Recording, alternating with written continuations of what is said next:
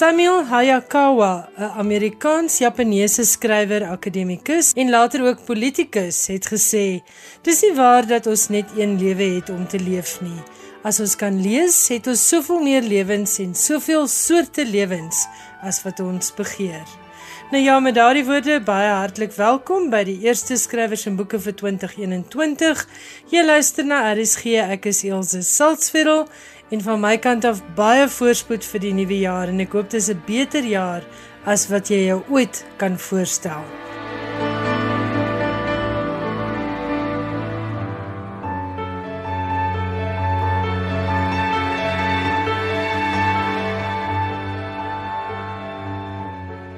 In finansie program gaan ek gesels met Dibie Breitenberg oor haar roman Stom Gode en ek gaan ook gesels oor Dr Edith Eger se boek The Choice, 'n ware verhaal uit die Tweede Wêreldoorlog wat baie inspirasie bied in hierdie moeilike tye waarin ons onsself tans bevind.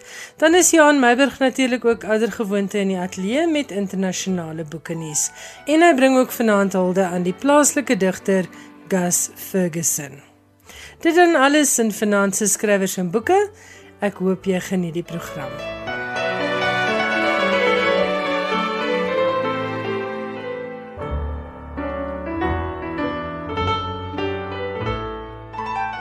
Dibi Breitenberg is 'n regsgeleerde van KwaZulu-Natal wie se 6ste misdaadroman onlangs by Lapa verskyn het. Stom Gode is die derde boek in 'n trilogie en volg op Dowe Gode en Blinde Gode. In Stom Gode loop die leser saam op die dwaalspore wat deur uiters goed georganiseerde misdaadkartelle agtergelaat word. Raaisels rondom polisiekorrupsie, renosterstroping en mensenhandel moet uitgepleis word in hierdie roman en daar is geen tyd om te mors nie want die een na die ander verminkte liggaam word in die onherbergsame ruigtes van KwaZulu-Natal gevind. En net om sake nog verder te kompliseer, gaan die hele wêreld in lockdown weens COVID-19 en dis onseker of O'Malley betyds uit Frankryk sal kan wegkom om die raaisels te help oplos. En van Frankryk gepraat, wie is die verwaarloosde Zulu seun wat sy in die strate van Avignon raakloop en hoe het hy uit haar tuisdorp in die verre KwaZulu-Natal daar beland? Soos met DB Breitenberg se vorige boeke is Stomgode die soort misdaadroman wat mens nie sommer wil neersit nie. Ek gesels nou met haar oor die inspirasie agter Stomgode. Goeienaand DB en baie welkom by Skrywers en Boeke. Vertel ons so 'n bietjie van die inspirasie vir jou jongste roman. Hallo Ilse, baie dankie vir die geleentheid. Ek waardeer dit opreg. Ehm um, jy het my gevra waar stom gode se inspirasie vandaan kom. Nou soos mense teen die tyd weet, is uh stom gode die derde roman in 'n trilogie wat begin het met dowe gode en toe gevolg is deur blinde gode in nou soos ek nou sê, die derde een is stom gode. En die titels verwys kortliks na die drie apies wat met die een met die hande oor die uh, ore en die een met die hande oor die oë en die een met die hande oor die mond sit van see no evil speak no evil hear no evil. Maar in elk geval destyds toe ek begin het met dowe gode, wou ek vreeslik graag die rol van vrouens in in in ernstige misdaad bestryding, bekamping so bietjie onder die loep neem. En ehm um, O'Malley het toe nou soort van daar haar ontstaan gehad. Ehm um, nou ek werk nou al op die grootste gedeelte van my professionele lewe in die misdaadmilieu. En ehm um, ek het met heelwat sulke dames al in aanraking gekom. Ek is ek is nie self in die polisie nie, maar ek ken baie dames wat daar in in in, in werk. En dit was my altyd 'n uh, regtig ware uh, interessante fenomeen. Uh hoe min van die vrouens daar regtig waar betrokke is in die ehm um, ernstige en geweldsmisdryf uh omgewing. En hoe hulle dit reg kry, die wat wel daarin is om al die balle in die lug te hou. En uh, soos ek sê, dit is nou waar 'n Melly se storie begin het. Maar die storie het toe nou soort van ontwikkel dat aan die einde van Dowe Gode dit nie vir my heeltemal 'n finaliteit bereik het nie. Ek was nie ek was nie heeltemal tevrede dat Oumeli se storie nou klaar is nie.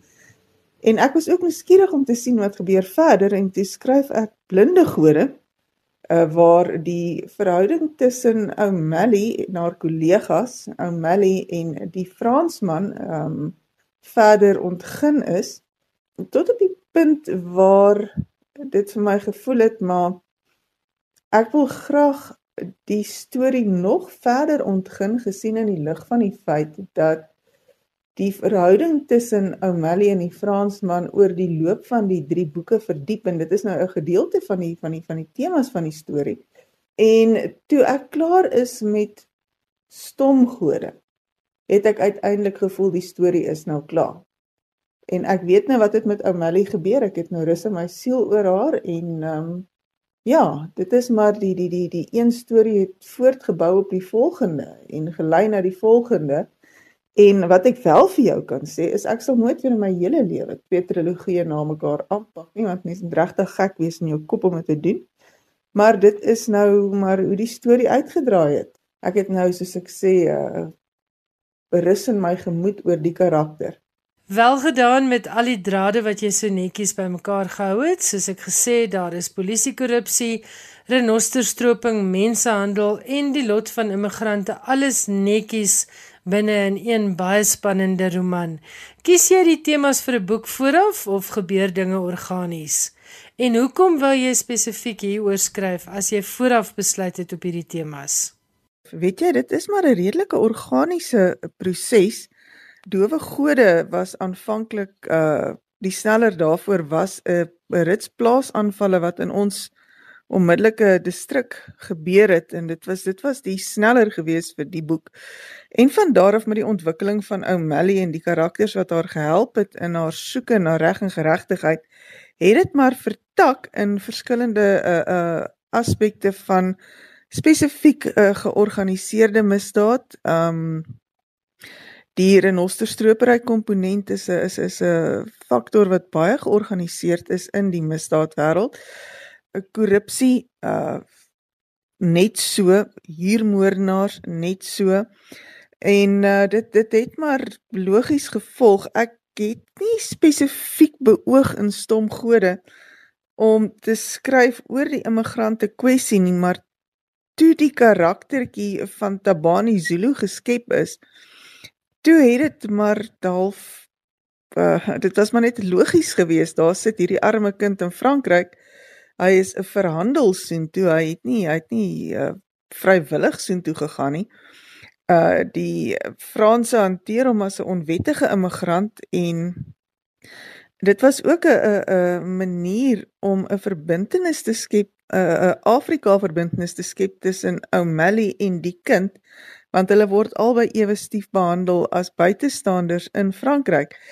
Ehm um, maar dit was dit dit was nie vooraf so beplan gewees nie. Dit het uiteindelik so gebeur.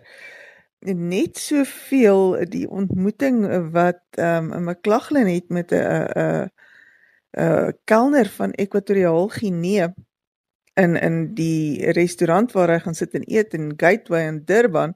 En hieso is hierdie vreemdeling, die land word binnegeval deur 'n vreemde 'n virus uit 'n vreemde land. Uh want die stomgode natuurlik speel af in die week voor die eerste Grendeltyd aangekondig is. Ehm um, so dit het alles maar spontaan eintlik organies eintlik ontwikkel en met die herskryf natuurlik het ek dit verfyn. Is skryf nou vir jou makliker as daar aan die begin 'n paar jaar gelede? Nee, dit was nog nooit regtig maklik om te skryf nie. Skryf is werk en is harde werk. En hoe meer ek weet van wat ek nie weet nie, hoe moeiliker word dit. My uh, inner editor het wakker geword soos 'n brullende leeu. Dit is 'n verpestelike dierasie wat hier oor my skouer loer soos 'n soos 'n uil en my dan aan myself laat twyfel en dan vat dit my baie langer om 'n ding te skryf as wat my andersins sou sou geneem het maar ek moet in dieselfde asem byvoeg. Ek is in die bevoordeelde posisie om die afgelope paar jaar ongelooflike goeie leermeesteresse aan my sy te hê. Ek dink onmiddellik sommer daaraan oorlede Cecilia Brits wat my hand vasgehou het deur die eerste 5 manuskripte. Sy was 'n ongelooflike uh, persoon om mee saam te werk. Ek mis haar elke dag. En dan natuurlik ook uh, Dr. Janet Ferreira wat my uh eindredaktrise is. Kyk, ek leer verskriklik baie by haar en um, ek probeer deesdae haar haar voorspring ten opsigte van van feite wat of foute wat ek weet sy gaan raak sien. So ek probeer hulle uitsif maar kry dit nog nie heeltemal lekker reg nie. Jeanette Paul het my net so gehelp en gelei deur die eerste paar manuskripte, um die eerste 5. En by haar het ek net so baie geleer. Ek as as ek 'n ding skryf, dan dink ek onmiddellik, wat gaan Jeanette sê? Wat gaan Jeanette sê? En dit dit was 'n uh, ongelooflike paar jaar wat ek ek ek regtig uit die dames se kennis kon put. Nou die eerste 5 manuskripte Saliger, Vrediger en Heiliger, uh in die eerste 2 gode was vir my ook makliker geweest om te skryf in die opsig dat hulle uit 'n polisie perspektief geskryf is of polisie agtergrond het. Uh wat ek baie goed ken, dis 'n omgewing en 'n kultuur wat ek goed ken. So ek het nie regtig baie navorsing gedoen of nodig gehad om baie navorsing te doen vir die eerste 5 nie maar met stomgode daardie militêre komponent bygekom. En um, ek weet daarvan baie baie min. Gelukkig was daar 'n mense so Sieg Minnie van Nysna en oudmajoor Jack Greef. Um, hy's legendariese natuurbewaringskringe en in die uh oud militêre gemeenskap wat my gehelp het met die met die uh militêre aspekte van stomgode en ek is hulle innig dankbaar daarvoor want sonder hulle hulp sou ek die hele karakter van Sombra totaal misverstaan het. Maar nee, skryfwerk word nie makliker nie. Dit word toenemend moeiliker. Jy is baie besig met jou loopbaan, soos ek gesê het jy's 'n regsgeleerde. Jy skryf so ongeveer 1 roman per jaar. Is daar dan nog tyd oor om te lees? En indien wel, wat het jy in 2020 gelees wat jy kan aanbeveel? Okay, ek moet bieg uit die staanspoor. Ek het hierdie jaar baie meer nie fiksie as fiksie gelees as gevolg van die baie navorsing wat ek gedoen het oor arkane onderwerpe waarvan ek niks weet nie. En twee wat vir my spesifiek 3 wat vir my spesifiek daar uitgestaan het was uh, 'n uh, boek wat verskyn aan die einde van 2019 uh met die naam van The Management of Savagery. Dis 'n boek wat geskryf is deur joernalis Max Blumenthal in Amerika wat gaan oor die Amerikaanse militêr-industriële kompleks se rol in konflikte in die wêreld vandag. En dit is 'n boek wat my so kwaad gemaak het. Ek het hom 3 keer gelees en as ek nou daaraan dink, dan raak ek sommer weer warm onder die kraag. Ehm um, moeite werd vir mense wat belangstel in in in uh politieke militêre wetenskap uh, as jy lus is om jou meer te verloor. Die tweede ene wat ook gegaan het oor oor oor die militêre deel van of 'n militêre deel van die geskiedenis, 'n boek van Randolph Fiennes met die naam van The Elite. Nou dit is 'n boek wat gaan kyk na spesiale magte soldate van die dae van die van uh die die Spartane tot hede en vandag toe wat net so interessant is. En o ja, daar's nog 'n biografie wat ek van vergeet het. Is 'n boek geskryf deur 'n man met die naam van Harry McCallion. Uh met die naam van The Killing Zone. Ek het die boek ook gelees om te help met die navorsing vir die karakter spesifiek van Sombra in 'n uh, stomgode. Nou Harry McCallion is 'n baie dit is 'n skuilnaam vir 'n vir 'n vir 'n uh, persoon wat vandag 'n advokaat is in Engeland. En wat die boek so interessant maak en wat ek verskriklik geniet het en ek het aanvanklik gedink die man se storie klink te goed om waar te wees en toe het ek bietjie gaan navraag doen maar dit is blykbaar die waarheid. Hy was 'n lid van twee valskermbataljoene in Engeland. En toe hy nou sy tyd daar uitgedien het, het hy Suid-Afrika toe gekom hier in die vroeë 70's en hier het hy 'n uh, rekkiekering geslaag, net vir 3 jaar hier gewerk, 3 of 4 jaar daar rond gewerk as 'n rekkie. En toe het hy toe nou sy kontrak hier uitgewerk het, ehm um, het hy teruggegaan Engeland toe maar hy het gevoel hy hy's hy het nog nie klaar oorlog gemaak nie. Toe gaan hy vir 'n uh, special air service kering en hy het dit geslaag. En hy het toe nou sy finale jare uitgewerk as as 'n lid van die Special Air Service. Ehm um, wat nogal gedoen wil wees is mens mens weet ons weet almal hoe sterk of hoe, hoe erg is die mense se kering en hoe moeilik is dit om dit te slaag. Maar hoe dit ook al sê, dit was 'n uh, eh, drie van die o en dan is daar natuurlik ook uh, oud majoor Jack Greef se uh, biografie uh Greatest Share of Honor wat ehm um, hy self uitgegee het, maar dit is ook by sekere plekke in die handel beskikbaar. Ongelooflik interessant vir mense wat belangstel in militêre geskiedenis. Dit was DB Breitenberg en ons het gesels oor haar jongste roman Stom Gode. Ons gaan nou luister na 'n stukkie musiek uit die roman. Dit hang baie nou saam met die storie. Maar as jy wil uitvind presies wat dit te doen het met die storie in Stomgode, gaan lees gerus die boek. Soos ek gesê het, dit word uitgegee deur Lapa. En hier is die musiek. Dit is Rodriguez met I Wonder. times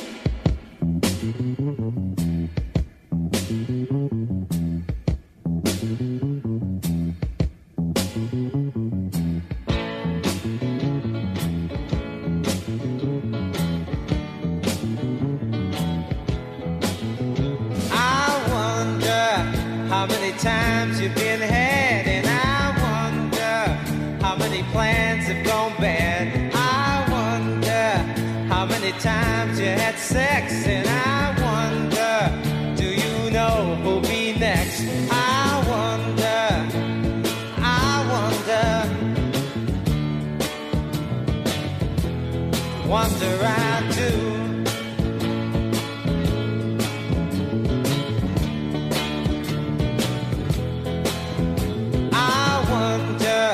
about the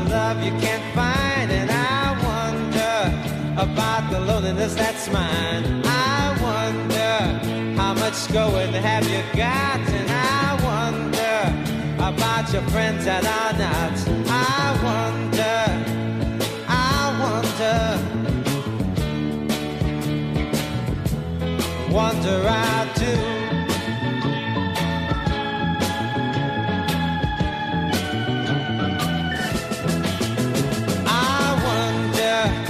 About the tears in children's eyes, and I wonder about the soldier that dies. I wonder, will this hatred ever end? I wonder, and worry my friend. I wonder, I wonder, wonder, don't you?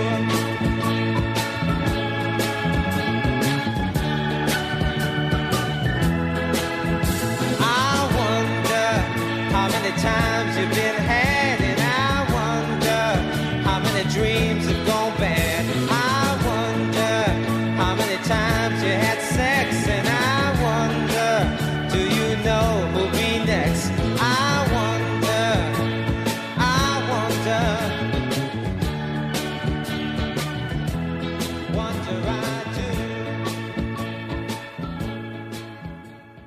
En daardie musiek was Rodriguez met I Wonder en as jy wonder wat dit met skrywers en boeke te doen het, gaan lees gerus DB Breitenberg se roman Stom Gode. Skrywers en boeke elke woensdag aand tussen 8 en 9. Die afgelope jaar is ons almal se lewens omvergegooi deur die COVID-19 pandemie. Niks is meer soos ons dit geken het nie en almal van ons moes opofferinge maak en die meeste van ons het een of ander vorm van verlies ervaar. Die hele wêreld is letterlik in 'n stryd om lewe en dood gewikkel. In sulke tye is dit maklik om perspektief te verloor en in wanhoop te verval. En daarom wil ek graag vanaand gesels oor Dr Edith Eger se boek The Choice. Dis nie 'n nuwe boek nie, die heel eerste druk daarvan was reeds in 2017 maar sedertdien is dit in 'n klomp ander tale vertaal en het dit lesers reg oor die wêreld aan die gons. Hierdie New York Times bestseller boek vertel die verhaal van die 16-jarige Edith wat in 1944 deur Hitler se soldate na Auschwitz geneem word. Die ouers word dadelik na die gaskamers gestuur en die twee dogters, Magda en Edith, bly alleen agter in die berugte martelkamp. Magda is 'n pianis en Edith 'n ballerina en gimnas En reeds op die eerste aand word Edith deur Joseph Mengele gekies om vir hom te dans. En dis maar net die begin van haar en Magda se ellende. Dit eindig eers op 4 Mei 1945 toe 'n Amerikaanse soldaat haar hand effens sien beweeg op 'n stapel lyke. Was dit nie vir daardie klein handbeweging nie, was sy waarskynlik vir dood daar agtergelaat. Haar rug is gebreek, sy tifus en longontsteking en sy weeg is skrale 32 kg. Maar sy sou vinnig leer, bevryding beteken nie noodwendig dat haar lewe voortaan maklik sal wees nie. Inteendeel. Dr Edith Eger of Edie, soos haar familie en vriende haar noem, is nie die eerste Auschwitz-oorlewende wat 'n boek oor haar lyding geskryf het nie. Maar iets aan hierdie boek maak dat 'n mens dit nie wil neersit nie. Ek het dit die afgelope vakansie gelees En te midde van al die nuus oor COVID en die tweede vlaag en al die ontstellende dinge wat rondom ons gebeur, was dit 'n boek wat ek glad nie wou neersit nie. Vir my is dit nie eerste plek haar merkwaardige lewensverhaal, maar dan ook haar skreiende eerlikheid en bereidheid om te praat oor die foute wat sy in haar latere lewe gemaak het. En dis fascinerend om te lees hoe sy as sielkundige haar destydse trauma gebruik om haar pasiënte te help. Sy draai nie doekies om nie en skryf ook oor hoe moeilik dit was om aan te pas in die FSA, die land waarheen sy na haar man later geëmigreer het, en ook hoe dit was om eers as 40-jarige die kans te kry om haar droom te volg en sielkundige te word. Maar ten spyte daarvan dat sy eers so laat begin studeer het, word sy een van die mees gerespekteerde kenners op die gebied van posttraumatiese stressindroom ter wêreld. Iger skryf ook oor haar besondere vriendskap met nog 'n bekende konsentrasiekamp oorlewende Viktor Frankl, die skrywer van Man's Search for Meaning. Ek stem saam met die resensent van die New York Times wat die boek in 2017 beskryf het as 'n triomf en 'n moedlees vir almal wat omgee vir hulle innerlike vryheid en die toekoms van die mensdom.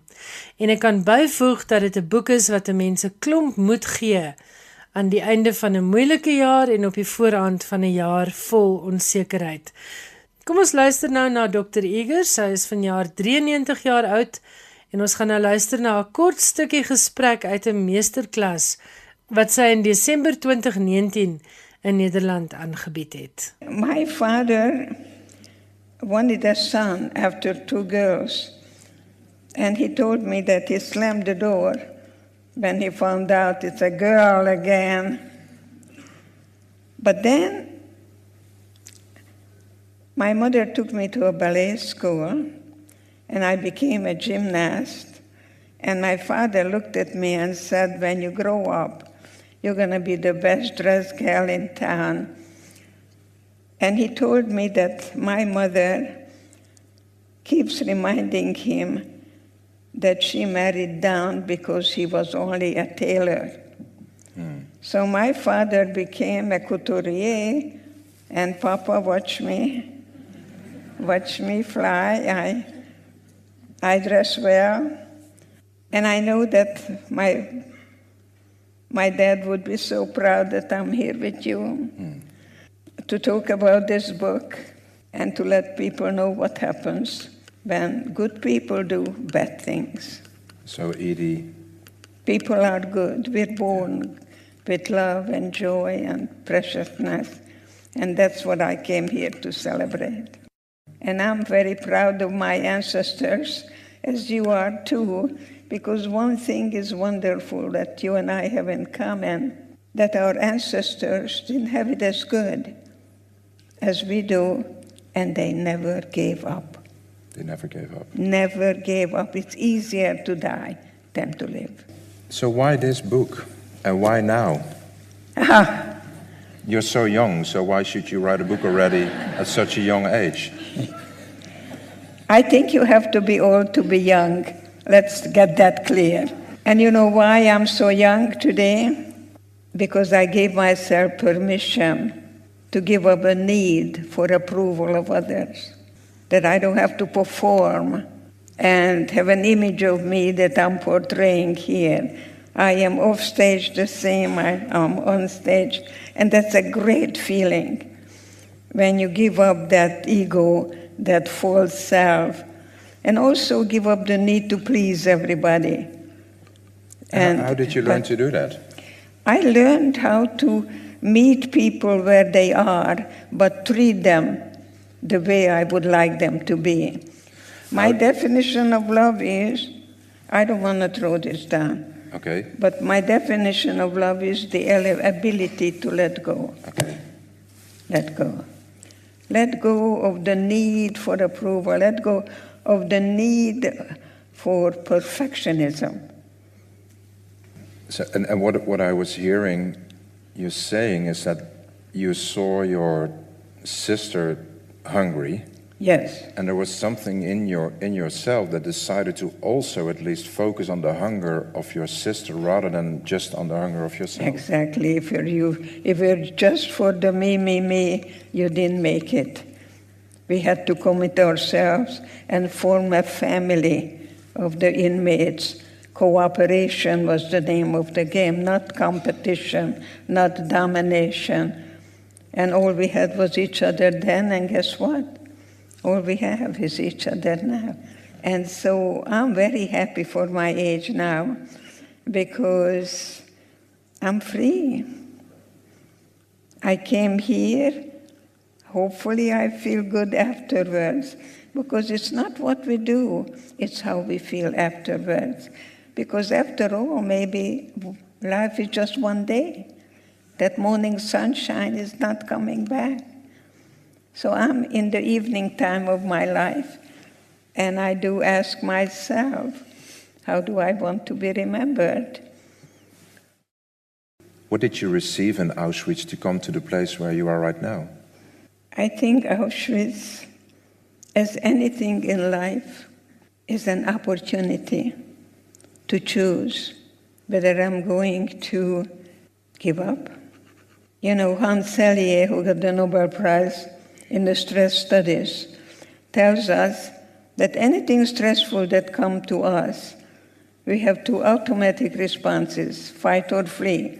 He got the Nobel Prize for that. In Auschwitz, I could not fight because if I would have touched the guards, and many did, and they were shot right in front of me, I could not flee because if I would have touched the barbed wires, I would have been electrocuted and I saw the blue bodies. So I was able to somehow, in some way, find a way how to look at the discomfort and make something out of it that I can say, I don't like it, it's inconvenient, and I didn't say yes, but.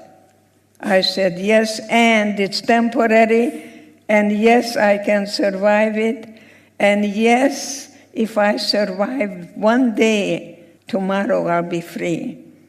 So, what was a moment for you when you knew you had to start talking about it?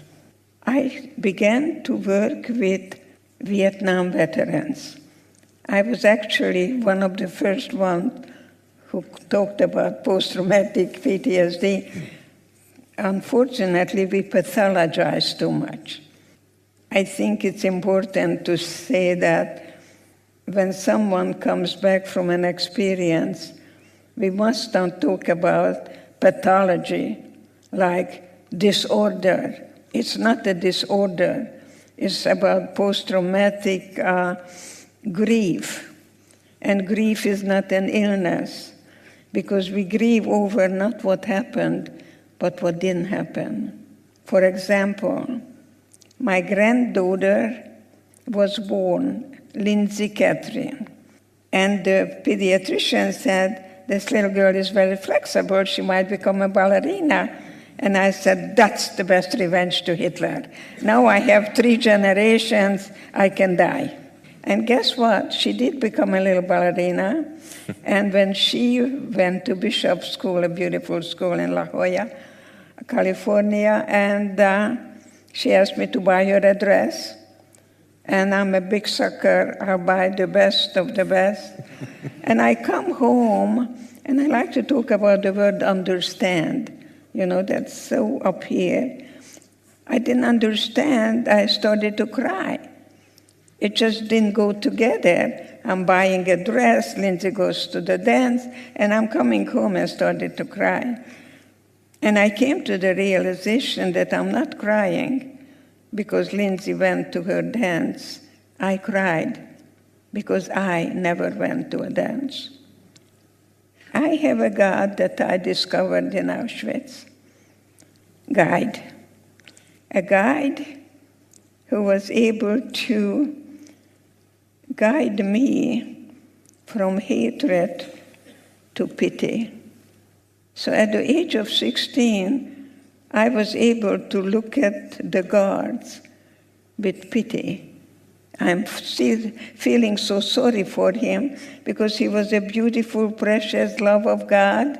God is good, creates good, good, precious, joyful, loving babies, and then we learn to hate. And I felt so sorry for them wearing that uniform, throwing children to the ovens without gassing them. And I prayed. And I think that gave me the freedom of knowing I cannot change what's outside of me. I could not control the externals. They beat me, I tortured, they, they could throw me in the gas chamber any minute but they could never murder my spirit, and that's what I bring you today. That spirit, when it never dies, that's what I bring you. That's what it does. How does one learn? How does one make a choice to Yeah. cherish the wound? How, how does one do that? How do you do that? I wanted to live so badly, and I think God gave us that opportunity. I think we possess that to be able to have that will to live, that tremendous uh, desire to make it no matter what. I never ever imagined myself in Auschwitz that I'm going to stay there. So when one- I get out of here, when I get out of here, and I'm here to tell you about it. So it worked. How did you learn to forgive people such as Mengele? Mangala, I, I don't look at myself as a person who has any godly powers to forgive the Nazis. I leave that up to God. But what I do, I want to do everything that is humanly possible to unite, to empower each other without differences. That you don't have to be like me, I don't have to be like you, but I'm just one of a kind. There'll never ever be another you. And I'm going to be very satisfied in my deathbed. I was very ill a year ago, I almost died. And I wrote my other daughter, uh, Marianne, I want to die dash happy. And I know I'm going to say in my deathbed that I'm grateful. I'm grateful that I've gotten this far and not asking why was I in Auschwitz. I would say I'm grateful that I was able to not only survive, but guide others also to be survivors and not to ask why me, but what now. Dit was die stem van Dr Edith Eger, skrywer van The Choice. Dit word in Suid-Afrika versprei deur Penguin Random House. Skrywers en boeke. Alles wat jy oor die boekewêreld wil weet en meer. Nou gee ek graag die mikrofoon vir kollega Johan Meiburg en vanaand gaan hy met ons gesels oor 'n paar nuwe boeke om na uit te sien, as ook ou boeke uit die pen van George Orwell wat binnekort herdruk gaan word. Maar eers gaan hy hulde bring aan die Suid-Afrikaanse digter en uitgewer Gus Ferguson. Gus Ferguson, Suid-Afrikaanse digter, spotprent kunstenaar en uitgewer, is in Desember in Kaapstad dood. Hy was 80. Ferguson was die dryfveer agter die uitgewery Snail Press asook die letterkunde tydskrif Carapace. Die publikasie van die tydskrif het Ferguson in 2015 na 104 uitgawes beëindig en ouderdom en energie as die redes vir die besluit aangegee. In 2009 het die South African English Academy sy hoogste erkenning, sy goue medalje, aan Ferguson toegeken vir sy diens aan Engels. Bekend vir sy ruimhartigheid en sinverdroë humor, iets wat in menige huldeblyk genoem is, het Mervyn Sloman van The Book Lounge in Kaapstad Ferguson in 2014 by die bekendstelling van sy laaste bundel Holding Back so beskryf. You don't come close to capturing the impact of what Gus has done for so many people and for South African poetry. For everybody here, Gus is an icon of the South African literary scene. He is loved and respected by all in South Africa that have anything to do with the written word. Sy digbundels sluit in Snail Morning, sy debuut van 1979. Carpe Diem van 1992, The Herding of the Snail van 1995 en Ars Poetica van 2010. As voorbeeld van Ferguson se digkuns, sy humor, die kwatryn. Gus Ferguson should be martyred but not with wood and nails. He should be wrapped in lettuce leaves and thrown amongst his snails.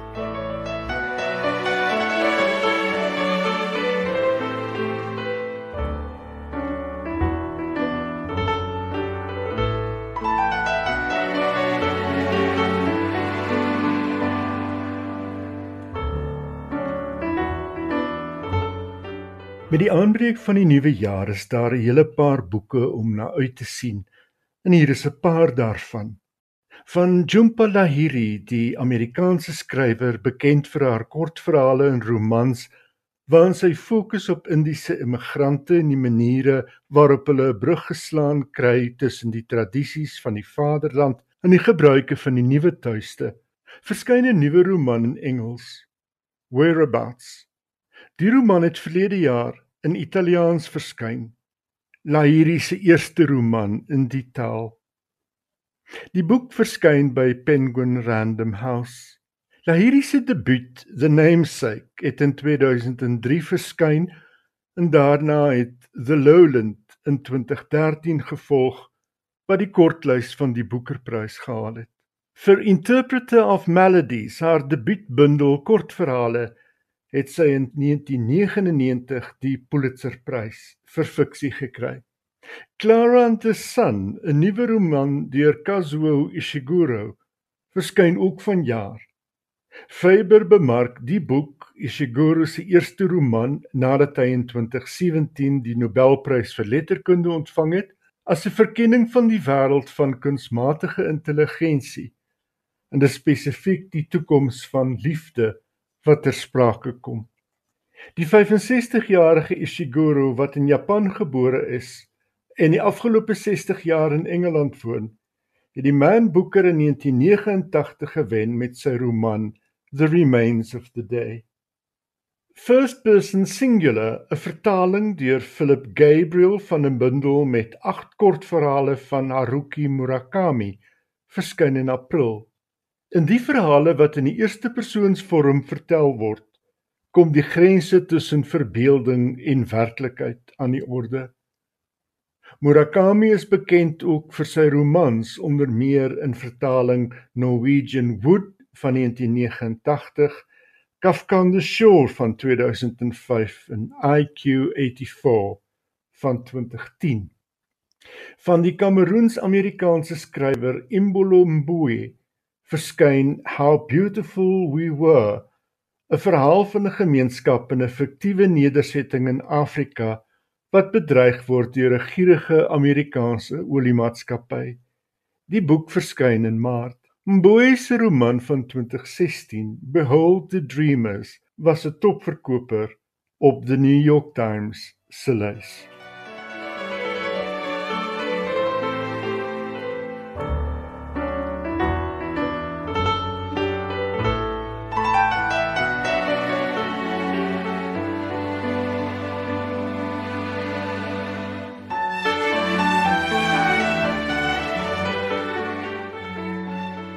70 jaar na sy dood in 1950 het die kopiereg nou op 1 Januarie op George Orwell se boeke verval. En 'n mens kan 'n hele rits uitgawes en hersamestellings van sy skryfwerk, fiksie sowel as nie fiksie, verwag. So verskyn Flame Tree Press se George Orwell Visions of Dystopia binnekort en vir die volgende paar jaar word Orwell se ses romans twee per jaar heruitgegee in geannoteerde versamelings. Teen 2023 verskyn ook 'n nuwe biografie van DJ Taylor oor Orwell, 'n opvolg van sy biografie van 2003 Orwell The Life. Hier lees Timothy West die eerste paar bladsye van George Orwell se allegoriese roman in 1945 uitgegee as Animal Farm a fairy story. Animal Farm by George Orwell read by Timothy West. Mr. Jones of the Manor Farm had locked the hen houses for the night, but was too drunk to remember to shut the pop holes. With the ring of light from his lantern dancing from side to side, he lurched across the yard, kicked off his boots at the back door, drew himself a last glass of beer from the barrel in the scullery, and made his way up to bed, where Mrs. Jones was already snoring. As soon as the light in the bedroom went out, there was a stirring and a fluttering all through the farm buildings. Word had gone round during the day that old Major, the prize middle white boar, had had a strange dream on the previous night, and wished to communicate it to the other animals. It had been agreed that they should all meet in the big barn as soon as Mr. Jones was safely out of the way. Old Major, so he was always called, though the name under which he had been exhibited was Willington Beauty, was so highly regarded on the farm that everyone was quite ready to lose an hour's sleep in order to hear what he had to say. At one end of the big barn, on a sort of raised platform, Major was already ensconced on his bed of straw, under a lantern which hung from a beam. He was twelve years old, and had lately grown rather stout, but he was still a majestic-looking pig, with a wise and benevolent appearance, in spite of the fact that his tushes had never been cut. Before long, the other animals began to arrive, and make themselves comfortable after their different fashions. First came the three dogs, Bluebell, Jessie, and Pincher, and then the pigs, who settled down in the straw immediately in front of the platform. The hens perched themselves on the window sills, the pigeons fluttered up to the rafters, the sheep and cows lay down behind the pigs and began to chew the cud. The two cart horses, Boxer and Clover, came in together, walking very slowly, and setting down their vast hairy hoofs with great care, lest there should be some small animal concealed in the straw. Clover was a stout, motherly mare approaching middle life, who had never quite got her figure back after her fourth foal. Boxer was an enormous beast, nearly eighteen hands high, and as strong as any two ordinary horses put together.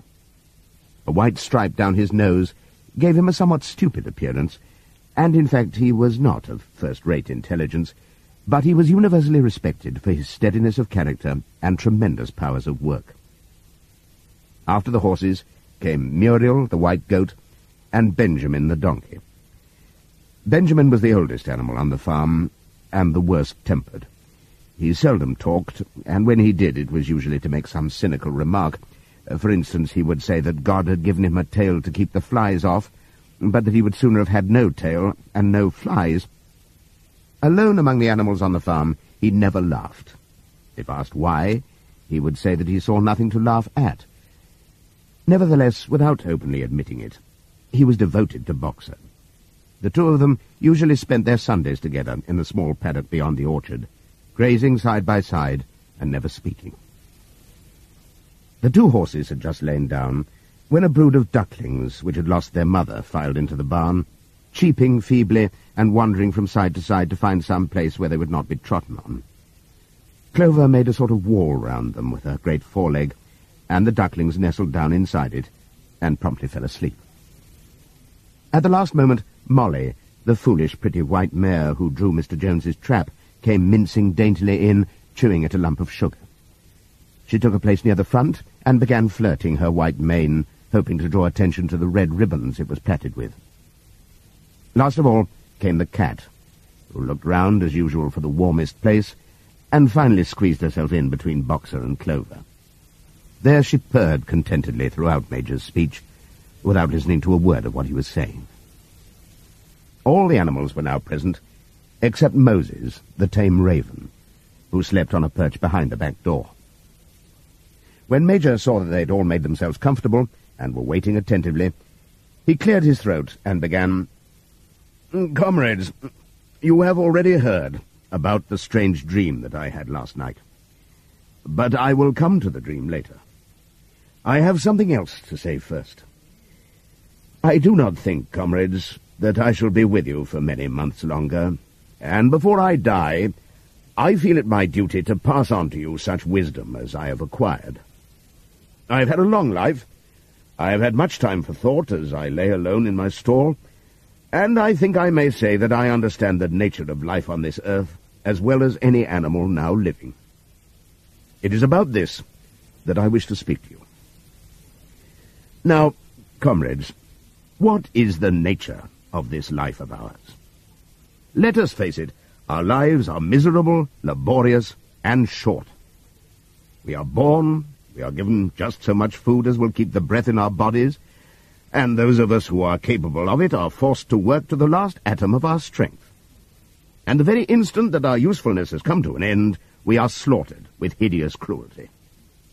No animal in England knows the meaning of happiness or leisure after he is a year old. No animal in England is free. The life of an animal is misery and slavery. That is the plain truth. But is this simply part of the order of nature? Is it because this land of ours is so poor that it cannot afford a decent life to those who dwell upon it? No, comrades. A thousand times no. The soil of England is fertile. Its climate is good. It is capable of affording food in abundance to an enormously greater number of animals than now inhabit it. This single farm of ours would support a dozen horses, twenty cows, hundreds of sheep, and all of them living in a comfort and a dignity that are now almost beyond our imagining. Why, then, do we continue in this miserable condition? Because nearly the whole of the produce of our labor is stolen from us by human beings. There, comrades, is the answer to all our problems. It is summed up in a single word. Man. Dit was 'n BBC voorlesing van die eerste paar bladsye uit George Orwell se Animal Farm. En danksy my Engels onderwyser daar by Hoërskool Montana in Woester is dit 'n boek wat ek ook nooit sal vergeet nie. Dit was nie deel van ons leerplan nie, maar meneer Rousseau het dit vir ons voorgeles en sou ook gehelp om die wêreld van Engelse literatuur vir my te belig. Baie dankie daarvoor meneer Leon Rousseau. Dis ongelukkig al vir vanaand, maar baie dankie dat jy saam geluister het en volgende Woensdag aand om 8:00 is ek en Johan Meiburg weer terug met nog 'n uitsending van skrywers en boeke. En dan gaan ons weer gesels oor 'n klomp nuwe Afrikaanse boeke. Tot dan, mooi bly, pas jouself en jou mense op en bly maar aan die lees. Op daardie manier kan 'n mens dan so bietjie wegkom van al die neerdrukkendheid om jou. Tot ons weer gesels. Totsiens.